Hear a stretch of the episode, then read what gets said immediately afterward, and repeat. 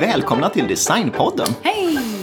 Då var det en ny vecka. Och Ännu en ny vecka. Ja, det, de rullar på fort här veckorna. Ja, verkligen. Nej, men, och den här veckan ska vi prata um, lite historia och... eh, Mycket. Ja, mycket historia. Alltså jag ska dra på långt bak i. Ja, eh, vi ska prata om... Näverkvarns bruk. Just det. Och det här är ju så här tydligt exempel på en grej vi satt och snackade om för några dagar sedan. Det var att eh, namnet Designpodden, det kan, alltså ni som lyssnar på podden vet ju vad den handlar om liksom, och hur vi lägger upp det hela. Men om man inte har hört podden så kan det verka lite snävare än vad det egentligen är. Mm, Ja, eller, Eller liksom- att, man, att man bara sitter och snackar om prylar. Ja, precis. Att, att det känns kanske, någon kan tro i alla fall att man sitter och pratar om stolar eller man pratar om... Eh, Det är svårt att göra. Tim, tim ut och Jo- jo, men det är det. tim in. Eh. Men, ja, men visst. Och vårt fokus, vi tycker ju det är himla roligt med människorna bakom föremålen. Mm, och favorit. eh, liksom eh, hur saker har kommit till i olika tider och sånt. va? Tänk kontexten. Ja, det är ju det som är...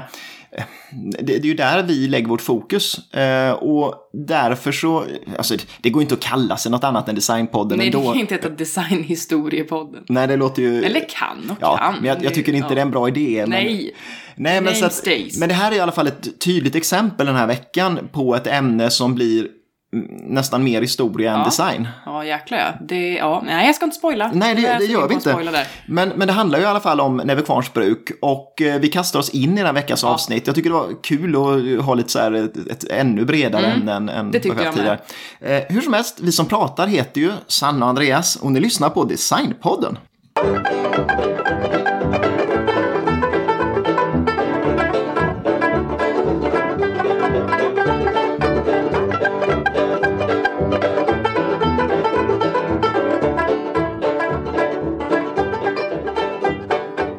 Har jag nästan bara använt mig av en bok av en Kurt Rindstål Mm. som heter Näverkvarns bruk, monografi om ett gammalt anrikt bruk i södra Sörmland. Ja, Och det var nästan jobbigt att säga på ettan. det är här jättelång titel. Men också lite på, från Näverkvarns hemsida. Mm. Annars är det Kurt jag har litat på. Ja, Så att om det är fel så är det Kurts fel. Exakt. Men, men den här boken finns väl inte ny tror jag inte. Utan vi, Det tror jag inte. Nej, vi, vi har köpt den på eh, antikvariat. Ja. Så att man kan ju leta. Så det fanns några ex ute på nätet såg jag. Så Så. att är man intresserad så går det nog att få tag i. För att det, är- Ni får se om ni tycker om den. ja. Och det börjar med liksom en chock när man öppnar den här boken. Eller att Näverkvarns bruk är gammalt, det tror jag ändå att många vet om. ja, det har man ju förstått sådär. Men jag har inte vetat så mycket kring liksom, bakgrunden egentligen så. Precis va? Men att det omnämns redan 1308. Huh. Eh, det var liksom så här. Nu tänkte jag säga ett svärord, men Ja, men det är 700 år sedan. ja, jag kände, jaha, hur ska jag göra det här då? För att du ska ju ta en, en liten snutt av år. Ja. Och jag ska ta resten. Men det, det går bra. Det här löser vi, ni.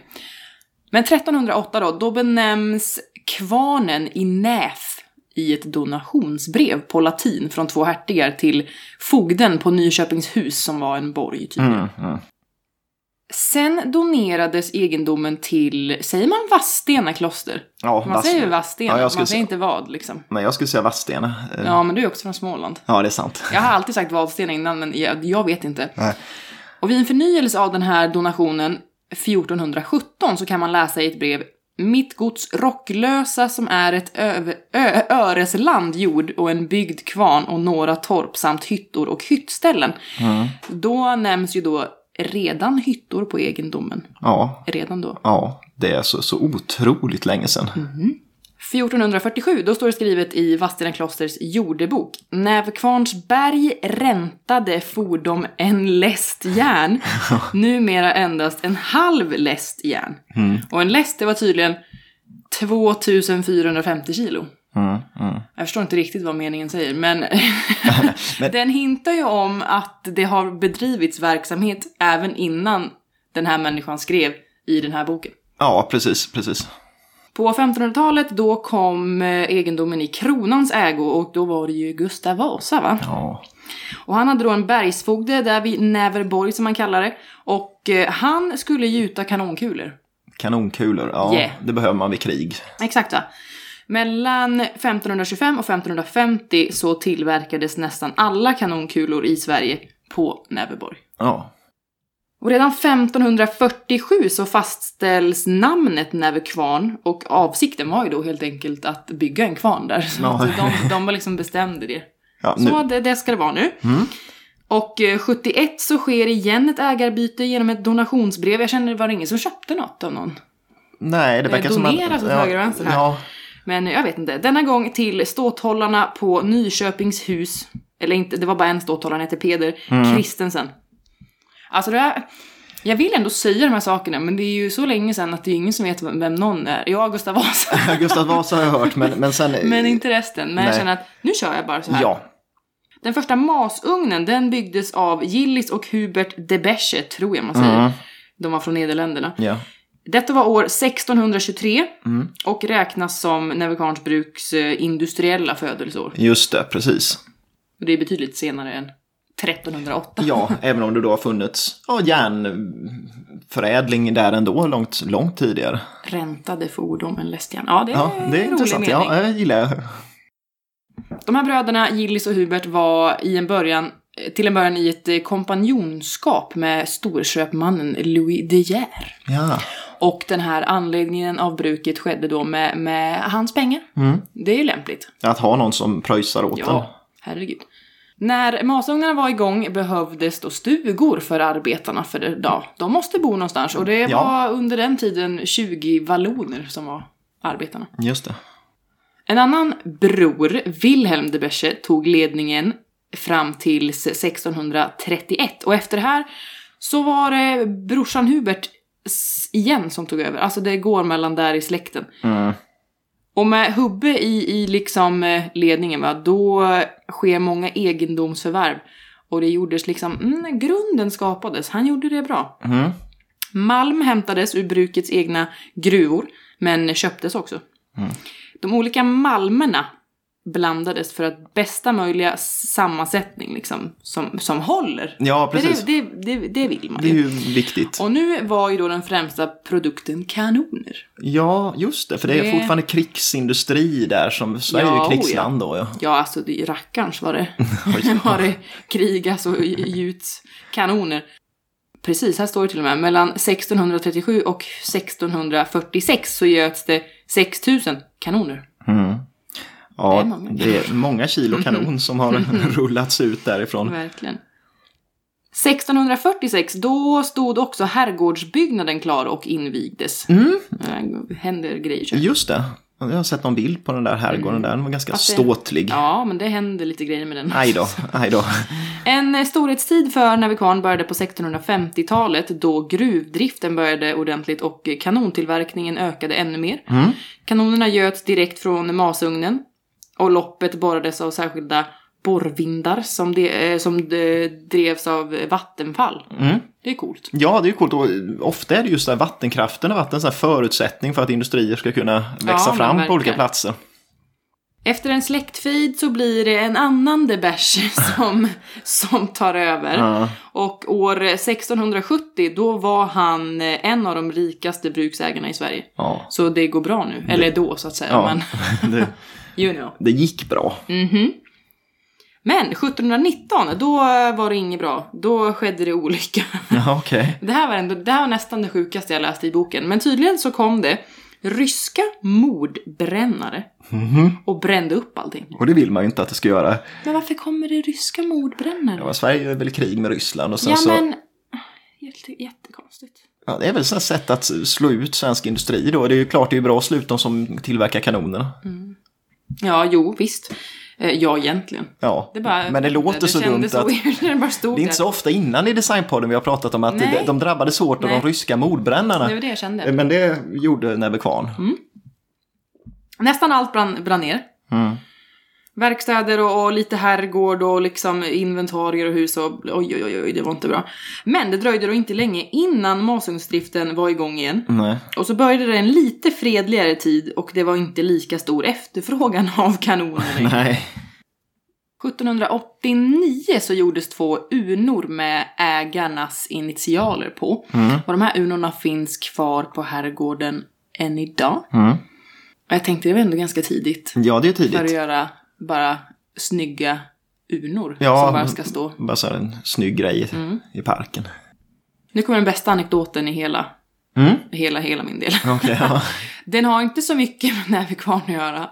Så att, eh, ja, det får ni tycka vad ni vill om. Men jag kan inte inte ha med det. Nej. Because it's too good. Vad bra jag var va? Ja, På cliffhanger. Ja. Eh, Ägarens blivande svärson och eh, faktiskt blivande ägare till bruket var en Gustav Ulrik Silversparre. mm.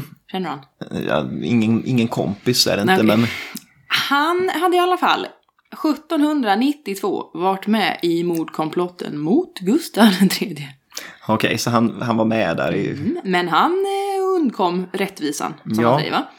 Men han ville rädda sin vän Jakob Johan Ankarströms kropp från att begravas i Skanstulls galgbacke. Ja, Snällt. det är ju... För det känns inte så jätte... Nej, det är väl trevligare att begravas någon annanstans. Än... Ja, det känns väldigt som att man blir ett ghost i så fall. Ja. Ja. Men han och några vänner då smyger och gräver upp de här delade kvarlevorna. För att det var ändå så att det var inte så mycket helt. Nej. Jag vill inte vara för gory, men eh, ja, huvudet tog de bort. Eh, högerhanden som han sköt med. Mm. Eh, dela honom på fyra liksom. Längs med och sen, eller På längden och bredden. Ja. Ja, Ja. och hade ju brutit alla ben innan med sån här, vad heter stegling. ja. Ja, eh, det var inte bra, så att säga. Nej. De tar i alla fall upp allting och eh, transporterar då till Näverkvarn. Mm. Och det sades att de här kvarlevorna, bland annat då det här hu- huvudet, lades i ett hallrum i väntan på att de grävde en grav. Oj, vad det hade de inte gjort i förväg. Trevligt. Nej, det Nej. trevligaste av allt är att det här rummet ska sen ha blivit ett sovrum. Sova i det rummet. Ja, var inte det jättekul? Jo. Men han begravdes i alla fall sen i Herrgårdsparken och där placerades en urna som står där än idag. Så dit kan man gå om man vill Så. säga hej. Och så kungamördaren fick en urna av uh, Nebekvarn där. Ja, Mm. Ja, det är faktiskt Och en väldigt, grav. ja, en väldigt komisk anekdot ändå. det Faktiskt. inte det bästa jo, ändå? Jo, det är det. det är. Tycker det. Ett år senare så köper i alla fall eh, Silversparre bruket för 75 000 riksdaler. Inga kronor, inte, riksdaler. Eh, Och han var tydligen väldigt driftig och eh, 1798 så uppfann han den första Näverkvarnsspisen. Ja, just det. För det blir en stor säljare förstås. Så han var duktig. Ja, Man får ju, ja, ha, nå- ha något litet bagage. ja, och det. Kungakomplotten där. Ja, eller, fan. vad är väl ett litet kungamord egentligen? Om man, på det stora hela. I början av 1800-talet så experimenterade Silversparre fram en ny järnblandning som då gav motståndskraftigare kanoner, för det görs fortfarande en del kanoner. Och han fick till och med ensamrätt i Sverige att göra kanoner i hela 12 år. Oj, så att det, är ju naturligtvis bra för affärerna, Ja, får man ju säga. Så bra var, var kanonerna. Mm. Silversparre försvinner dock från bruket 1807 för att då tar det slut på lånemöjligheter och då var han inte så intresserad mer. Nej. Samma år brann herrgårdsbyggnaden ner igen, Ja. men byggdes upp igen. Ja, mm. Detta har i alla fall lett till att byggnaden idag är från tre sekler. För det första då, den västra flygeln blev kvar efter det här med ryssarna. ja. Och sen har den andra våningen byggts på 1700-talet och den tredje våningen då på 1800-talet. Ja, så att, för den ser ganska stor ut på de bilderna man ser eh, liksom, foton på den. Exactly. Ja, Nu ökar ju den här lite mer civila tillverkningen och det, det, det gjuts både pannor och grytor och lite, ja men lite mera som man kan använda utanför krig. ja. Det är trevligt. Jo, det kan vara bra med sånt också. Jag glömde säga det viktigaste, det var ju då brännvinspannor. Ja, men det måste, det måste man Ja, ha både, ja, ja. både i krig och utanför krig måste man ha det. Precis, det är den mest multifunktionella. Ja, en sån här Swiss. Army-panna. ja, ja, lite ljusstakar också, men det är ju lite skitsamma. Ja, Eller ja, var väl ganska nödvändigt också. 1812 så övertas bruket av en familj Sederholm istället. mm. Det blir inte lika bra. Nej, men så här. 1850 då, då, då kommer stora bruksdöden. Okej. det låter som en sjukdom. Men det var ju då industrialiseringen Ja, i, inom liksom teknikutveckling och järnframställning. ja. Och då blir det ju, ja, många må- blev utslagna ja, det ganska snabbt. blev väl färre bruk och större bruk. Precis. Jag var tvungen att tänka Ja, ja, vad exakt du sa, vad men jag jo men- men ja. exakt. Mm. Näverkvarn de överlevde dock för de var så pass eh, stora. Mm. Efterfrågan av eh, gjutgods blev mycket stor och eh, nu tillverkades det faktiskt mest spisar och jordbruksredskap. Ja, Inga kanoner. inga kanoner. Nej. Det här är också en jättekonstig anekdot, men det kom en koleraepidemi Jaha. Ja, det, och hela 29 personer dog. I personalen på... Ja. Man tänker ju inte sådär på att företag verkligen kunde drabbas allvarligt av att många dör på grund av sjukdomar. Liksom, för att det, Kolera liksom. ja. 1872, då skaffade bruket en ny ugn för gjutgods och produ- produktionen mer än fördubblades. Och de blev eh, ganska snabbt en av de största tillverkarna i landet då av gjutgods. Bruket var också en föregångare för att låta kvinnor arbeta. Yay! Ja. För då, bland annat, så fick kvinnor vara tegelbärare. Det var ja, det lät ju jättekul. Men de fick vara det vid de här byggnationerna som Ja. gjordes. Så det tycker jag inte man ska vara allt för negativ. Nej, Men ja, visst, det hade väl kunnat varit något annat man fick vara. Men man fick vara med. man fick vara med. Ja, Den här ägaren dör och eh, ledningen tas över av disponenter Ja. 1885. ja. Oklart, lite. Men jag måste ju ändå, eftersom att jag tagit alla ägare hittills så måste jag liksom... Jo, men det känns väl inte... fortsätta. Det, det handlar väl om verkligen att det anpassas mer efter moderna industrier istället för som det var Exactly, tidigare. Exactly. Nu är vi på 1900-talet så är det. Och Ja. då, 1911, då kom den tydligen legendariska gjutmästaren Karlsson till bruket. Ja, Och det tog jag mest med för han kom från Söderhamn. Och det, ja, ja du... typ jag med. Ja. Eh, och han kom tydligen att gå till historien som Näve-Kalle. ja, just det. Det, det läste jag någonstans det där. Bara i boken nu då Ja. förstås, men ja. ja, jo. Han var tydligen i alla fall mycket kunnig och eh, mycket auktoritär och duktig ledare. Mm. Tänkte han kan väl få vara med Ja. i podden. Vilken ära såklart. va? för Kalle. Men nu var i alla fall bruket standardartiklar. Spisar, kaminer, kokkärl, maskindetaljer, men också nysatsningen kakelugn. Ja, just det. Den idén tyckte jag ändå var briljant. Mm. Idén med den här kakelugnen var att en järnspis och en kakelugn stod med ryggen mot varann, fast Mm. då i två olika rum. Exakt. Så att spisen värmdes, värmde upp kakelugnen. Ja, och det är, ju, det är ju himla smart för att eh, det var ju liksom Briljant. innan det fanns någon, man hade liksom inte någon eh, bra uppvärmning på några hus på den tiden och då ska man ju ta tillvara på all Ja, värme det, man bara det, kan. Det är briljant. Så att det är eh, totalt eh, klockrent. Ja, det är cred för.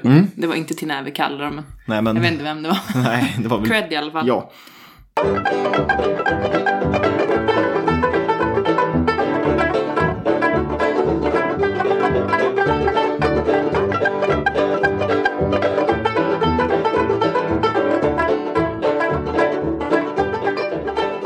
Uppdelningen vi har gjort, eh, då har det blivit att jag kommer in nu och så tar jag bara ett fåtal år egentligen. För att du är mycket latare än vad jag är. Ja, det är ju det. Nej, men, men grejen är att eh, det händer ju mycket under eh, 10, 20, 30-talet. Och eh, det kommer till väldigt mycket roliga föremål där. Så därför kommer jag fokusera på eh, de här designade föremålen. Designade gjutjärnsgrejerna. Och Du är alltid lite snofsig. ja, det är klart jag är där. Men, men, men okej. Ja, okej, okej. Nej, men eh, och då har jag ju använt eh, den här boken, du har använt också, men jag har också använt en bok till.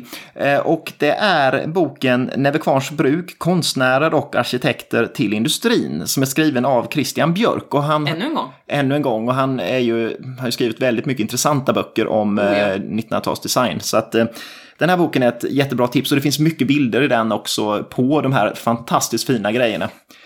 Kom Men- till saken, jag vill ja, veta vad det är. Med det sagt va? Men jag, skulle först dra tillbaks lite till sånt vi har pratat om eh, tidigare många gånger i podden och det är ju Svenska slöjdföreningen. Ja, många gånger. Eh, för de får en väldigt stor och central roll när det kommer till Näverkvarns bruk. Och för, för, för det handlar ju om att på 1910-talet så jobbade ju Svenska slöjdföreningen hårt för att få ut formgivarna i industrin. Det var ju det som var deras mission, om man säger. Och inspirationen kom ifrån Deutsche Werkbund, eh, som är deras eh, liknande organisation, fast i Tyskland då. Och eh, tanken var att vardagsvaror skulle bli modernare och mer anpassade till sina ändamål. Då. Och 1919 så skriver konsthistorikern Gregor Paulsson skriften Vackrare vardagsvara. Vackra, det är en är- är Vackrare vardagsvara. Mm. Ehm, och det gör han ju för Slöjdföreningen. Yes. Och eh, det han, liksom hans kärnan i den skriften, den sammanfattar han i en mening egentligen. Och det är konsten och industrin kunna höra naturligt ihop istället för att vara fiender. Ja. Och han menar lite att tidigare så var det att konstnärerna var på ett håll och sen så industrin, de, de var ett hot mot konstnärerna och, Mm. och liksom de här. Men egentligen skulle man ju kunna samarbeta och göra något väldigt bra ihop.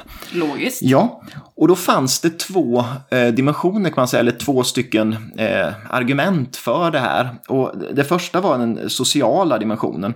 Det var det att inredning och design eh, var socialt viktigt och reformerande för samhället. Och det var liksom arbetarklassens boende skulle bli bättre så att alla skulle få det bättre i samhället och så. Mm. Eh, och sen fanns det en dimension till och det var de ekonomiska aspekterna. För det var att om man gjorde allting rationellare, billigare och bättre, då ökar försäljningen. Och det är också väldigt bra för exporten, så att då ska man kunna få igång svenska ekonomin ännu mer. Så därför var det ju bra för alla egentligen det här, eh, i alla fall i teorin. Och med bakgrund av det här då så satsar Kvarn på eh, formgivet gjutjärn. Eh, så att eh, bruksdisponenten på den tiden hette Alfred eh, Dypsö. D-Y-B- Dyps. D-Y-B-S-Ö. Ja, Dypsö. Ja, ja. okej. Och han hängde ju på det här med Svenska slöjdföreningen. och Han köpte nog de här argumenten väldigt hårt. Va? Ja. Eh, han såg ju att man hade ju sedan lång tid tillbaka som hade gjort urnor till exempel. Men nu ville han göra liksom moderna designade urnor. Och eh, då kan man göra på lite olika sätt. Man kan anställa en konstnärlig ledare till exempel. Det har vi sett att många av glasbruken och eh, keramikerna och sånt har gjort. Men det gör man inte på Näve Kvarn. Utan man eh, låter istället konstnärer skicka in förslag. Och sen så får slöjdföreningen agera domare kan man Ja, säga. ja. Så egentligen blir ju Svenska slöjdföreningen på något sätt nästan en konstnärlig ledare för Näve Kvarn här. Ja. Ehm, eh, och då, och då, först ut när det gäller urnor, då är det en, en skulptör som heter eh, Ivar Jonsson, eh, som kanske en del har hört talas om, men han, han gör en urna som kallas Venusurnan. Eh, och den ställs ut på hemutställningen på Liljevalchs 1917. Och den här urnan, hans urnor var väldigt klassiserande, det är nyklassicism i dem, så egentligen är de ju traditionella, som man säger idag, så här modernt designade urnor, så, så blir det ju lite komiskt på ett sätt. Jo. Men de är väldigt, väldigt fina. För han gör, mellan 1917 och 1920 gör han fyra olika modeller som sätts, sätts i serieproduktion.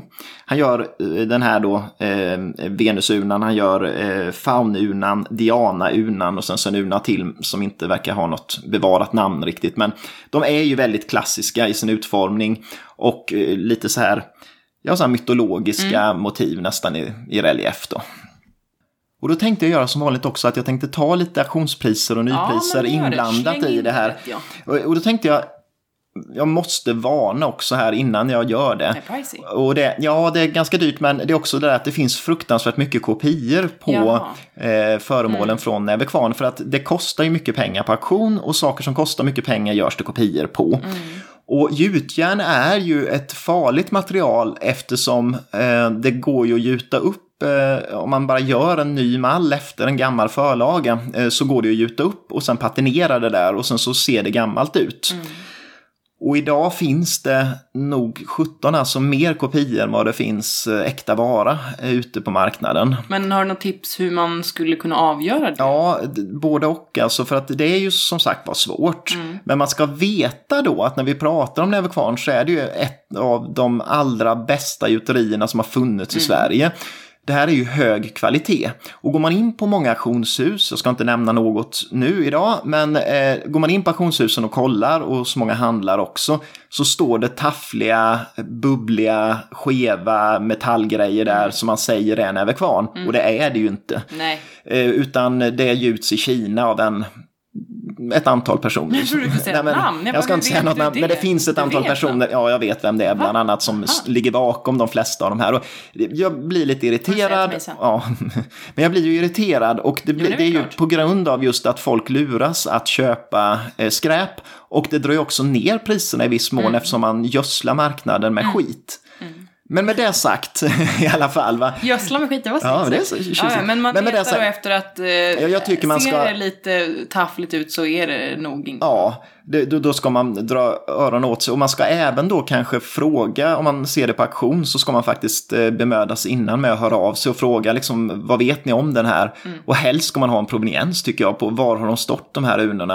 För det vet man ju ofta. Eh, För att det är inte så ofta det dyker upp två stycken prakturnor liksom, som ingen vet var de kommer ifrån. Nej, det är sällan. Ehm, men i alla fall, eh, det finns ju en hel del riktigt ute på marknaden som man kan köpa. Har du bara tagit riktiga auktionspriser? Jag har gjort det för att jag har faktiskt sållat bort en hel del som är billigt som har legat ute så man ser på bilden att det där är skräp trots att det står Näverkvarn i auktionstexten. Skräp. Man, Ja, men- kan, man får köpa och gilla dem ändå, men de ska inte skriva Näverkvarn. Nej, och det är ju falska grejer som man, nej, jag gillar. Jaha, ja, just det. Ja, den Hur som helst.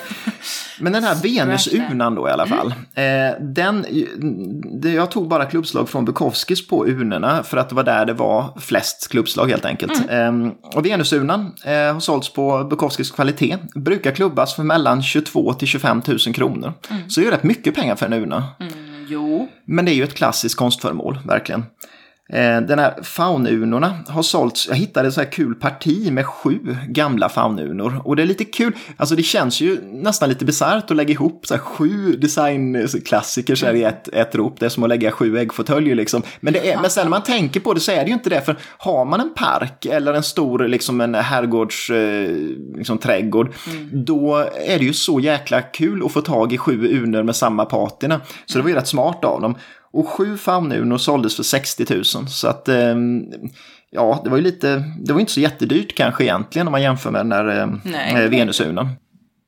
Och- sen även den här Diana-urnan, eh, den säljs för eh, ja, lite lägre än Venusurnan i regel, verkar det som, så mellan 20 till 40 000 kronor paret. Men sen då 1919, då är det ett viktigt år för då Elsa Gullberg på Slöjdföreningen, hon förmedlar formgivarna Uno Ren och Folke Bensow till Näverkvarn. Och eh, Bensov Bensow, han hade ett eget arkitektkontor i Stockholm och hade ritat en hel del möbler. Och eh, hade medverkat vid ibland den här hemutställningen 1917 på Liljevalchs. Och eh, han hade, idag är han väl kanske mest känd i arkitektkretsar för att ha ritat en eh, industribyggnad i Norrköping i nyklassicistisk stil då, som idag är Arbetets museum där. Så att vill man Jaha. kika på en, en, ett fint exempel på svensk nyklassicism så är det, Det man ett bra alltid. exempel. Jo, absolut. Och han, då, Folke Bensow, han ritar ju då de klassiska trädgårdsmöblerna för Näverkvarn. Jag tänker bänk. Bänk, ja. Han ritar 1920 så ritar han park, eh, parkbänk nummer 1, parkbänk nummer 2, parksoffa nummer 3, så det är de som kommer då. Och sen 1925 så kommer ytterligare några eh, saker. Det är taburett nummer ett, taburett nummer två och bord nummer tio. Jag skrattade åt att taburett och ett. Ja, eh, men- ja, det, var, det var inte så... Ja. Ja, nej, men, men hur ska man, hur, man kan ju beskriva dem som klassiska verkligen. Det är ju Ja. ny klassicism i, i det här. Åh, ettan är fin. Ja, om man säger parkbänk nummer ett är ju en sån här maffig bänk. Som är, eh, det, det är ju de, parkbänk nummer ett och taburett nummer ett som är de, eh, alltså de som verkligen känns eh, fantastiska Klassiska. om man säger.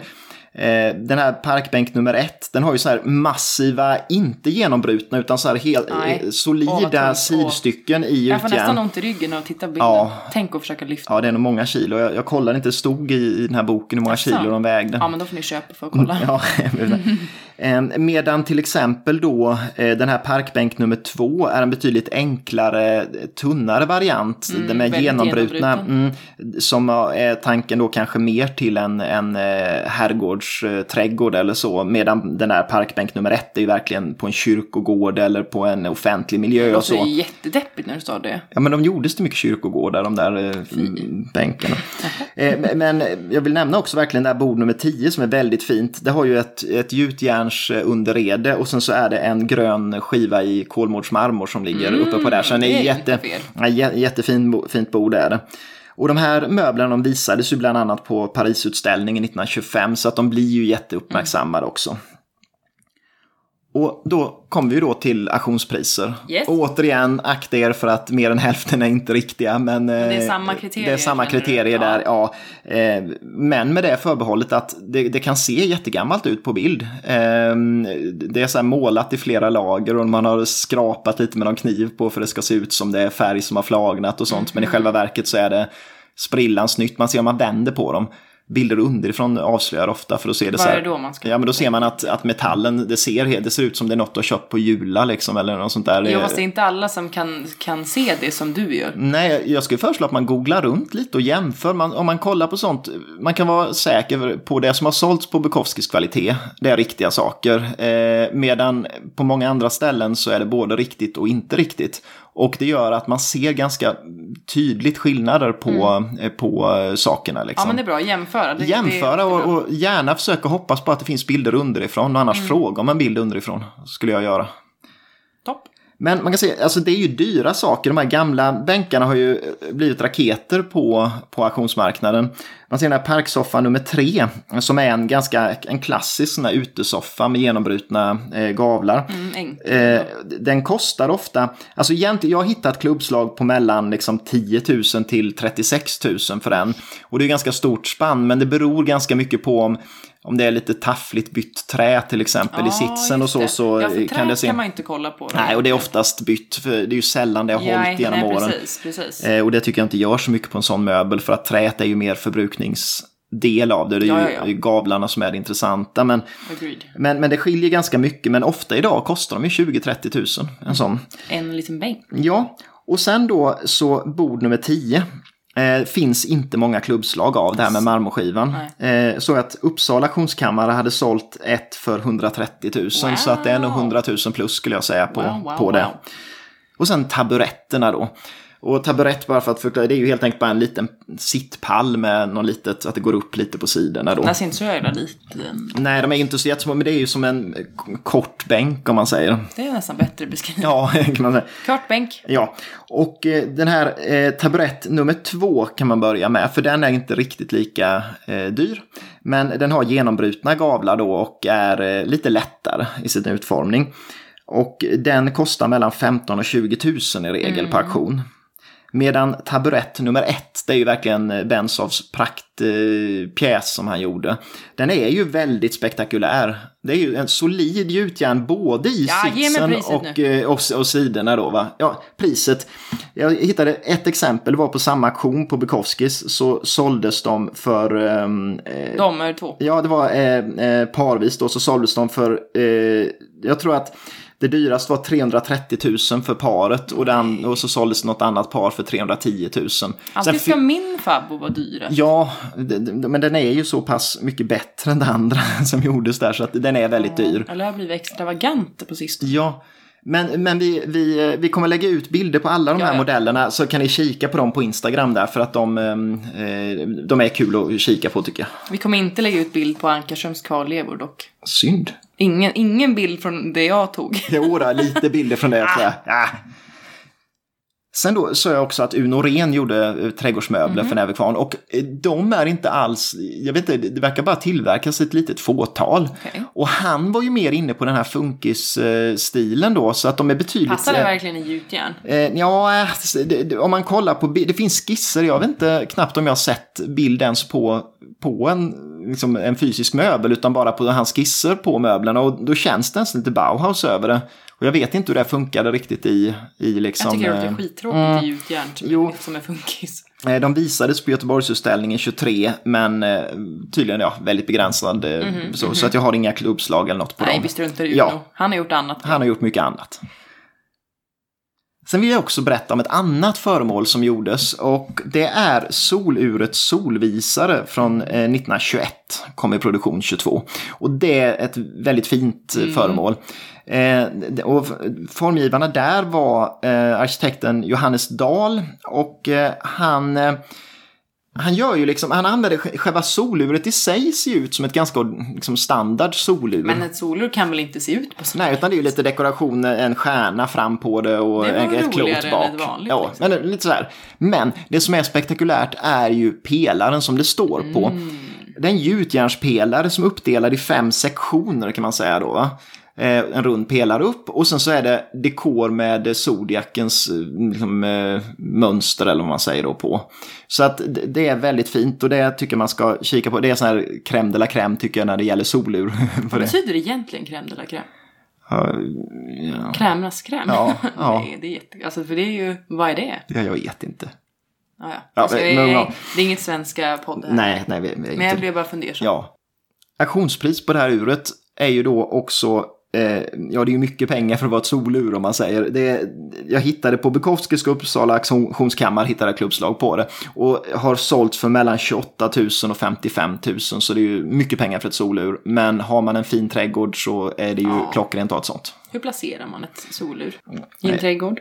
Ja, just det. Ja, dels naturligtvis måste ju solen ligga på, men så måste man ställa in det. Man måste ju kunna vrida, man måste kunna vrida det och ställa det efter klockan på något sätt. Alltså, eh, jag så man vet. att jag inte riktigt vet. Jag vet att mina föräldrar har ju ett solur ute i trädgården, men... men- jag vet inte hur de har ställt in det Eller riktigt. måste man? Nej, nej, nej men det... Ja, Ah, vi går strunt- vidare. vi- vi går vidare. Ja, Ja. Mycket jag inte vet. Jag Bra. tror att den riktas mot norr och söder, förmodligen de här pilarna, skulle jag tro. Men nu, nu är jag ute och liksom, vi- nej. spekulerar. Moving on.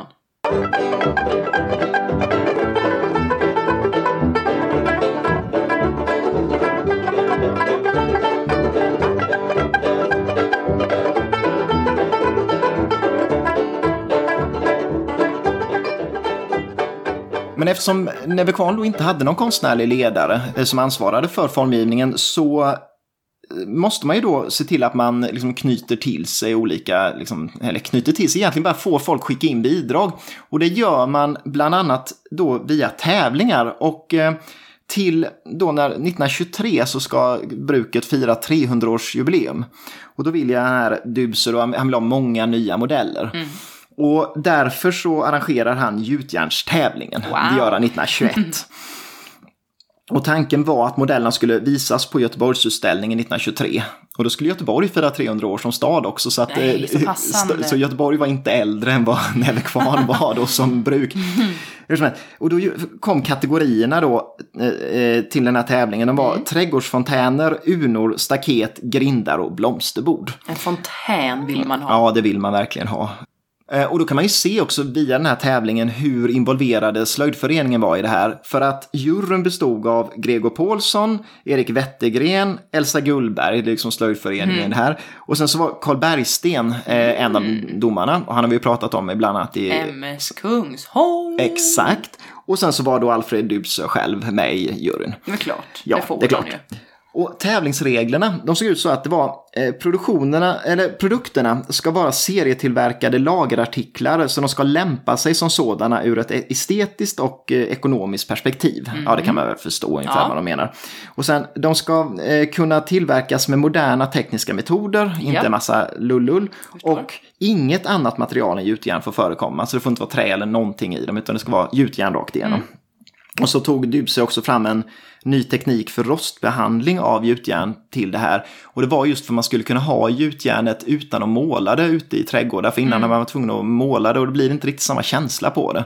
Men det var en jäkla process och det, det var säkert eh, kanske en tio vändor innan Oj. man hade gjort klart det. Så att det var ju det var inte helt lätt men man hade syror och grejer. Så det var det man idag inte använder längre för det är inte så miljövänligt. Nej, då, va? Men... Men den här tävlingen pågick i åtta veckor och man fick in 350 bidrag. Och det mynnar ut i att man eh, börjar producera 20 nya modeller av 10 olika formgivare. Så att det ger ju ändå en ganska stor tillslag, eh, tillskott i produktionen. Ja, väldigt. Eh, Och jag skulle ge några exempel eh, som är såna här klassiker. Och det är eh, Olof Hult har gjort, eh, han vann flest antal eh, priser på den här tävlingen. Grattis, och Hult hade bakgrund, han jobbat för Ivar Tengbom och gjort bland annat Stockholms konserthus och eh, Krygers tändstickspalats i Stockholm. Så det är såna här nyklassicistiska byggnader. Så att han, han var ju en jätteviktig arkitekt liksom. Och han ritade bland annat en fontän. Och det var fontänen Vattenlek. Och den gjorde han ihop med eh, Rolf Bolin. Och då var, den här fontänen ser ut som, det är liksom en lite vågformad tunn pelare som går upp väldigt högt. Och sen så är det en skål bara i toppen. Och sen så rinner det vatten ur skålen som rinner längs med de här liksom, vågorna i, Ja. i pelaren. Så att klassisk stilren, liksom, jättesnygg i en park och sådär. Ehm, den där hittar jag inga klubbslag på på Nej. auktion. Däremot Norrhammars bruk verkar tillverka den idag. Om någon, jag såg det av en slump på nätet. Okej. Men sen gör han också då två unor till tävlingen och de har blivit klassiker, särskilt den ena. Och det är unorna Mikrokosmos och Snäckeunan. Och de är ju lite, lite ovanliga för att vara unor i formen egentligen. För att de är... Som platta Ja. och breda. Ja, det är som att man har liksom, en elefant har suttit, suttit på dem liksom, Ja. och tryckt ihop dem. Eh, om man säger mikrokosmos ser ut som en tallrik nästan Ja. i profil och snäckunan är ju mer som en, en kon i, från sidan, liksom, fast väldigt Fast mycket, väldigt bred. väldigt bred. Och mikrokosmos är väl den som är mest klassisk idag. Och den har dekor av eh, växter, en sol och sen stjärnor. Fint. Och snäckunan har istället då, det är två stycken linjer som går upp i eh, en spiral runt. Och den ena linjen är vågig och den andra är rak. Och Men de, vad är snäckor då? ja, det är väl att den ska vara lite, man ska få känslan av snäcka på den. Besviken blev. Ja. På. Men det, den är fin inifrån. Jaha. Mm, För att även invändigt så har den de här eh, Ja, linjerna. Och det är lite overkill egentligen Ja. eftersom man fyller den med jord. Men eh, den är snygg invändigt också. Och Mikrokosmos skulle jag säga är den som är mest kopierad. Så att av de grejerna som man eh, hittar kopior på är Mikrokosmos, ja den är farligast att köpa helt enkelt. Men ändå väldigt, väldigt fin. Och eh, på auktion så brukar den, den kan ju kosta kring 10 000 skulle jag säga idag, en mikrokosmos.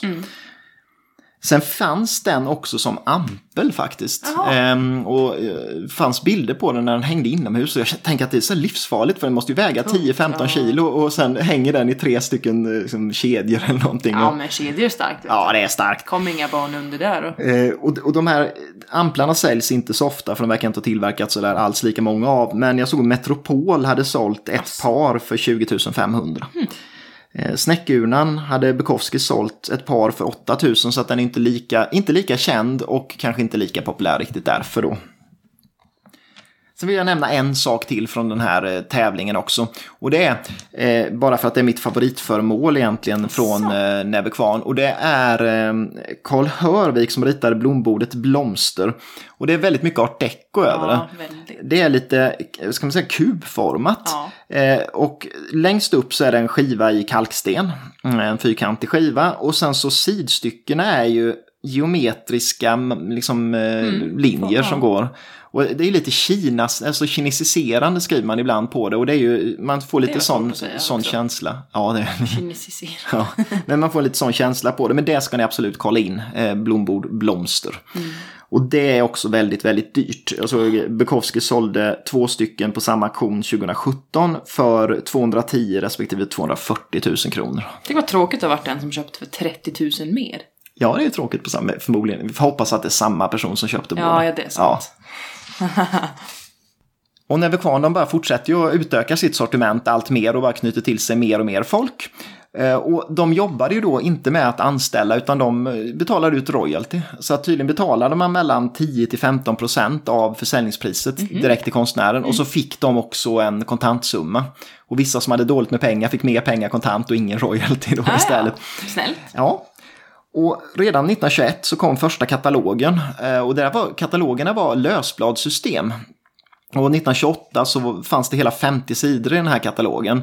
Men det är lite problem att det är lösblad för de var inte numrerade så att eh, forskare har haft lite svårt att egentligen bestämma hur många sidor fanns det varje år och vilken, vilken, vilket år kom de olika bladen och sådär. Så att det var väl både på gott och ont men eh, ja. Och jag har ju redan nämnt Parisutställningen 1925 men Ja, flertalet. Eh, fler gånger, flertalet gånger. Men, men den var ju extremt, extremt viktig just för att det var det stora genombrottet för svensk formgivning internationellt. Och där var det ju Svenska slöjdföreningen som eh, var tongivande och som ansvarade för det svenska bidraget. Och det var ju Gregor Paulsson som liksom stod för själva utställningen. Och eh, arkitekten som ansvarade för svenska eh, paviljongen, det var ju Carl Bergsten. Och då blev det ju rätt naturligt att Näve Kvarn fick en naturlig del eftersom de var så involverade i Näve Kvarn.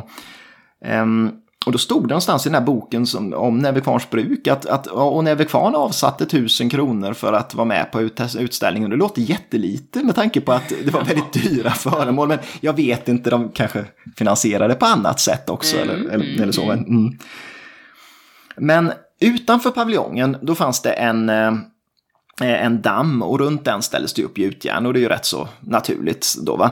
Men sen i entréhallen, det är ju den som är den spektakulära skulle jag säga, för att det var eh, sex meter i tak, eller åtta meter i tak, men det var sex meter Alltså sex meter höga eh, kolonner Oh. som göts upp av Näve Kvarn. Och det gjordes åtta stycken sådana här kolonner. Och de ritades av Karl Bergsten och Anna Petrus. Wow. Och de gjordes i enmeterslängder. Och varför det är intressant, det är för att mellan varje sån här längd så gjorde Anna Petrus som en, en gjutjärnsring eh, som liksom användes för att foga samman dem med. Och på de här ringarna så gjorde hon ett ganska så här klassiskt eh, reliefmönster med figurer. Och de här ringarna, de blev sedan blomkruka nummer ett, som är en väldigt sån här klassiskt föremål från Näve Kvarn.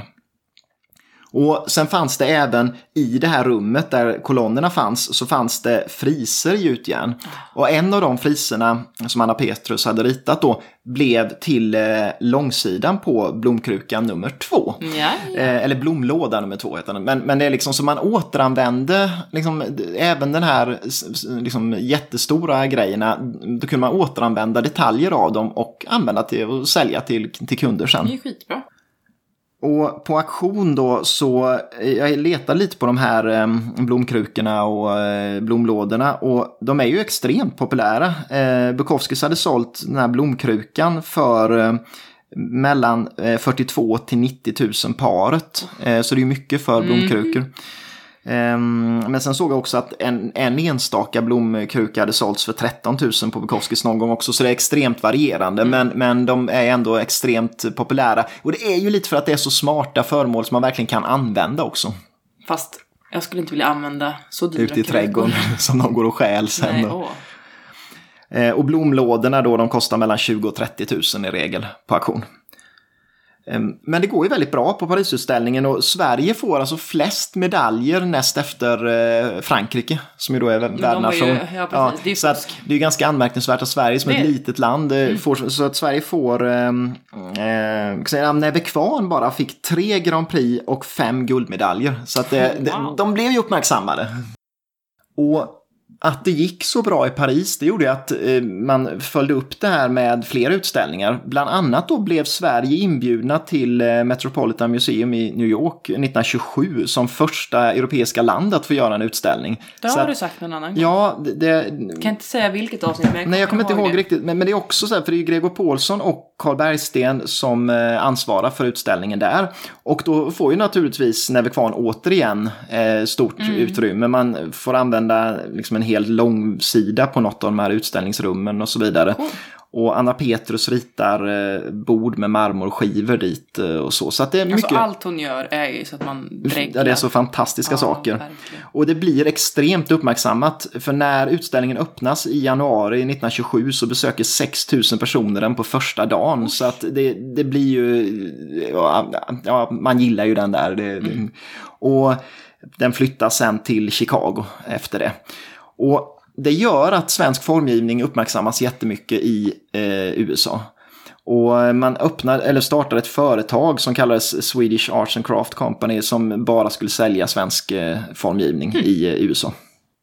Och nu låter det som det bara går bra, bra, bra hela tiden. Gör Och- inte det? Jo, men liksom man uppmärksammas på utställningarna och eh, jag menar Nebbe Kvarn var med på, ja MS Kungsholm till exempel gjorde gjutjärnsföremål dit och det uppmärksammas jättemycket och slöjdföreningen Eld och lågor. Men Eh, det finns ju ett litet hinder här, eller en litet, något som är lite tråkigt just för Näve Kvarn. Och det är att funktionalismen börjar och breda ut sig allt mer. Och inte minst inom Svenska slöjdföreningen. För att eh, om man kollar på Deutsche Werkbund till exempel så var de ju väldigt mycket för funktionalism under den här tiden. Och eh, då börjar man ju planera för Stockholmsutställningen 1930. Och Gregor Paulsson var ju till och med, eller han blev ju då en av de här förgrundsfigurerna för funktionalismen. Och det här är ju någonting som inte Näve Kvarn alls står för. Och då börjar man ju redan där ana lite att det börjar att gnissla lite samarbetet mellan eh, slöjdföreningen och Näve Kvarn. Eh, dessutom så kan man väl säga att slöjdföreningen var missnöjda att inte den här sociala eh, tanken med eh, att nå ut med formgivare i, industrin hade slagit igenom. Det vill säga att det var inte alls så att arbetarbostäderna blev bättre på grund av det, utan det var ju någon form av övre medelklass som gick och köpte grejer och gick på utställningarna, men arbetarklassen gjorde ju inte det. Och något exempel som fanns det var att eh, på hemutställningen 1917 så kostade Venusurnan 217 kronor. Och en normal snickeriarbetarlön var 106 kron eller 160 kronor i månaden. Så att man fick jobba typ två månader för att ha råd med att köpa en urna om man inte köpte mat under den tiden. Mm. Så att det var väl inte riktigt det, det, blev lite problem för slöjdföreningen när man propagerade för det och sen samtidigt då stöttade ja, Näve Kvarn. Det blir fel. Och så fanns det ju ett annat riktigt stort problem och det var att konstgodset inte var lönsamt för Nevekvarn. Man fick ingen lönsamhet i det, utan det, det kostade helt enkelt mer än det smakade. Visst, folk gillade det på utställningarna, men det var inga pengar in till företaget. Och mot slutet av 20-talet så blev det ju ekonomisk kris och eh, man var till och med tvungen att börja liksom sälja mark för att ha råd att driva vidare företaget. Så att nej, den här satsningen den, den gick inte riktigt hem, trots att det på ytan verkade som det gick väldigt bra. Mm. Och så finns det ju en dimension till i det och det är ju att man har satsat mycket på eh, gjutjärnsspisar som var det andra stora området. Och när man kommer in på 1900-talet, en bit in där, då börjar man ju ha el naturligtvis i köken. Ja. Och då är det inte så många som köper en järnspis längre. Inte många. Så att då försöker man lite från Nevekans sida att, att starta med elspistillverkning, men det där blir inget bra eh, av det heller. Och det finns inga pengar kanske i företaget riktigt att satsa på massa nytt. Och som om inte det vore nog då, så 1928 så upptäcker man att en kassör i företaget har förskingrat 30 000 kronor. Och det motsvarar ungefär 850 000 idag. Eh, så han fick sparken och det tycker jag låter som ett ganska lätt så här, ja, påföljd. Jag tror inte det blev några rättsliga påföljder. Men det var ju inte bra riktigt, om man säger. Och året efter då, den 31 mars 1929, då sparkas Alfred Dybsö, eh, den här disponenten då, med omedelbar verkan. Han fick bara lämna, han bodde ju där också så han fick lämna huset. Ja men det gjorde och han fick de lämna, alltid, ja. bodde där också. Så att han fick liksom sparken. Och varför verkar lite oklart egentligen. Mm. Han anklagades för att ha förskingrat jag från företaget. Jag tänkte han hade väl också gjort det, mm. antar jag. Men det som officiellt hade hänt var att han hade förskingrat genom att, och det är det sjukaste då, det är att han har tagit ut kontanter istället för mjölk från företaget. För han hade rätt då att ta ut mjölk från bondgården där de har. Mm. Men då tog han kontanter istället. Eh, I praktiken ja. så eh, underförstått så anklagades han för att ha varit delaktig i den här förskingringen ja. med den här, liksom, de här större pengarna. Mm, mm. Och men han anklagas också för att försöka medvetet driva företaget i botten för Aha. att kunna köpa det själv. Eh, så att det, det var inte bra. Nej, så att han slutar. Och det är ju han då som är den här naturliga kopplingen till eh, slöjdföreningen. Ja, ja, ja, ja. Så att företaget genomgår en rekonstruktion och man byter ut jättemycket personal. Och sen kommer då den här, vad ska man säga, liksom dödsstöten för samarbetet mellan eh, slöjdföreningen och Nävekvarn. Och det är 1933. För då har man varit med på världsutställningen i Chicago. Och Gustav Munte för slöjdföreningen, han recenserar eh, Näve Mm. Och skriver då i någon artikel att som exempel på det rena stilleståndet kan Nävekvarn tjäna. Det som var ett stort löfte för åtta år sedan är nu, ingenting, är, nu någonting helt annat. Mm. Det vill säga att de, de utvecklas inte överhuvudtaget. Och Neve Kvarn blir fly förbannade på det här. Så de skriver ett svar till Munte i ett mhm. brev som finns bevarat tydligen. Och då skriver de att för Nebbe Kvarns bruk eh, framträder kritiken i en rätt egendomlig dager eh, då man betänker att bruket gång efter annan förklarat sig icke önskat delta i några internationella konstindustriutställningar. Bolaget har upprepade gånger för Slöjdföreningen och dess verkställande direktör framhållit hur som eh, framställningen av gjutgods i konstnärligt utförande för bolaget är och under ett stort antal år varit direkt förlustbringande. Och sen så säger man upp allt samarbete med med stödföreningen efter det. Så att det blir ju lite ett slut på den här eh, mm. epoken av mm. Neve Kvarn som eh, liksom, en ganska kort epok med eh, designat gjut, gjutgods. Liksom. Och slut på ditt snack också? Ja, slut på mitt snack. För att nu... Du snackar bara när det handlar om slöjdföreningen? Ja, egentligen. Och nu var det slut på det. Och dessutom så händer väl en ny katastrof vid Näve Kvarn, va? Men det ska du prata lite mer om mm. igen nu va? Jag tycker om att få äran att prata om skiten. Ja, katastroferna där. Ja, det, det tycker jag är trevligt. Mm.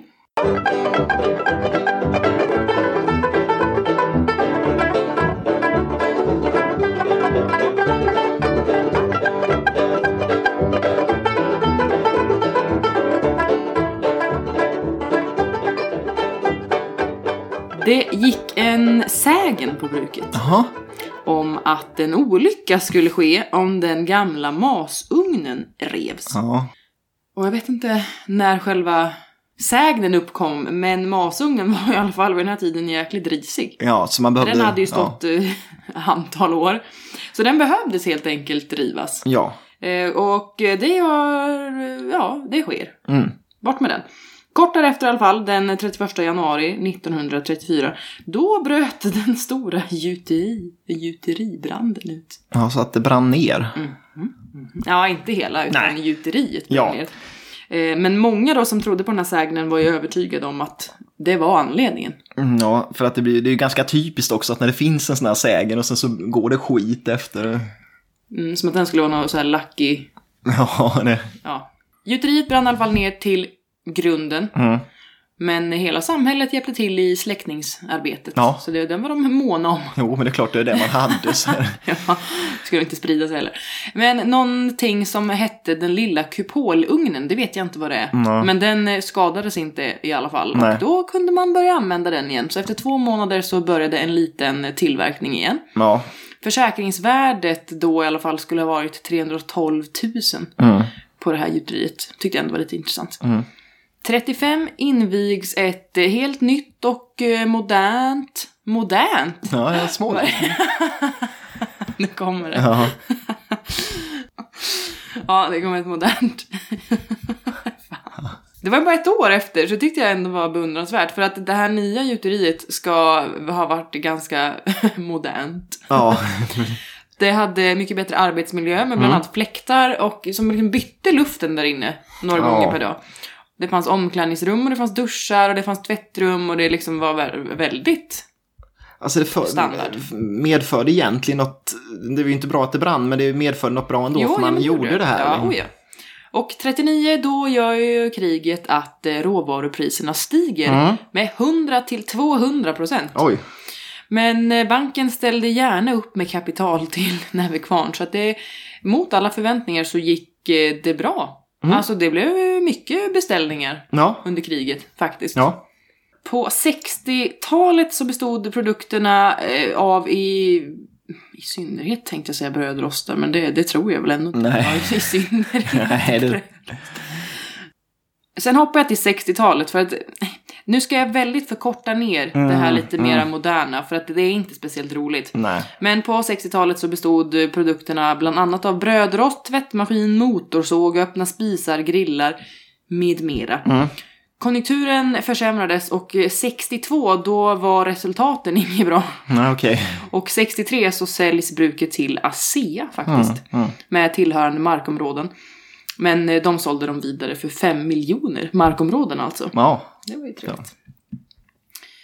1970 så infördes en s- ny formningsmetod som var skalformning och det ledde till då att det blev bättre, noggrannare och eh, ja, finare ytor på godset. Mm. Det var väl bara trevligt. Ja. Och på 70-talet då var också 48 av 205 anställda kvinnor. Mm, så nu börjar det liksom kanske komma in kvinnor även i mer än tegelbärningen där. precis, Då. ja. Så det är vi nöjda med. Mm. Till och med maskinerna installerades så kvinnor kunde köra och hantera. Mm. Jättebra. Under den här tiden så startade också utvecklingen av industrirobotar. Så det, blir- nu, är det ju verkligen eh, det här Nu det modernt. modernt. Ja, nu är det inte så ankarström längre. Nej, och sånt. precis. Det är synd tycker jag. Ja. Så jag tänker faktiskt korta ner i, i så mycket att nutiden blir, det är rörigt tycker jag. Ja. Att läsa om. Och det är också, om jag får säga det, helt ointressant. Ja. för min del. Eh, kortfattat så övergick brukets produktion till att tillgodose industrin med gjutna föremål. Ja. Fram tills bruket lades ner 2010. Ja. Så att det, ja, att, det, det, de la ner det då ja.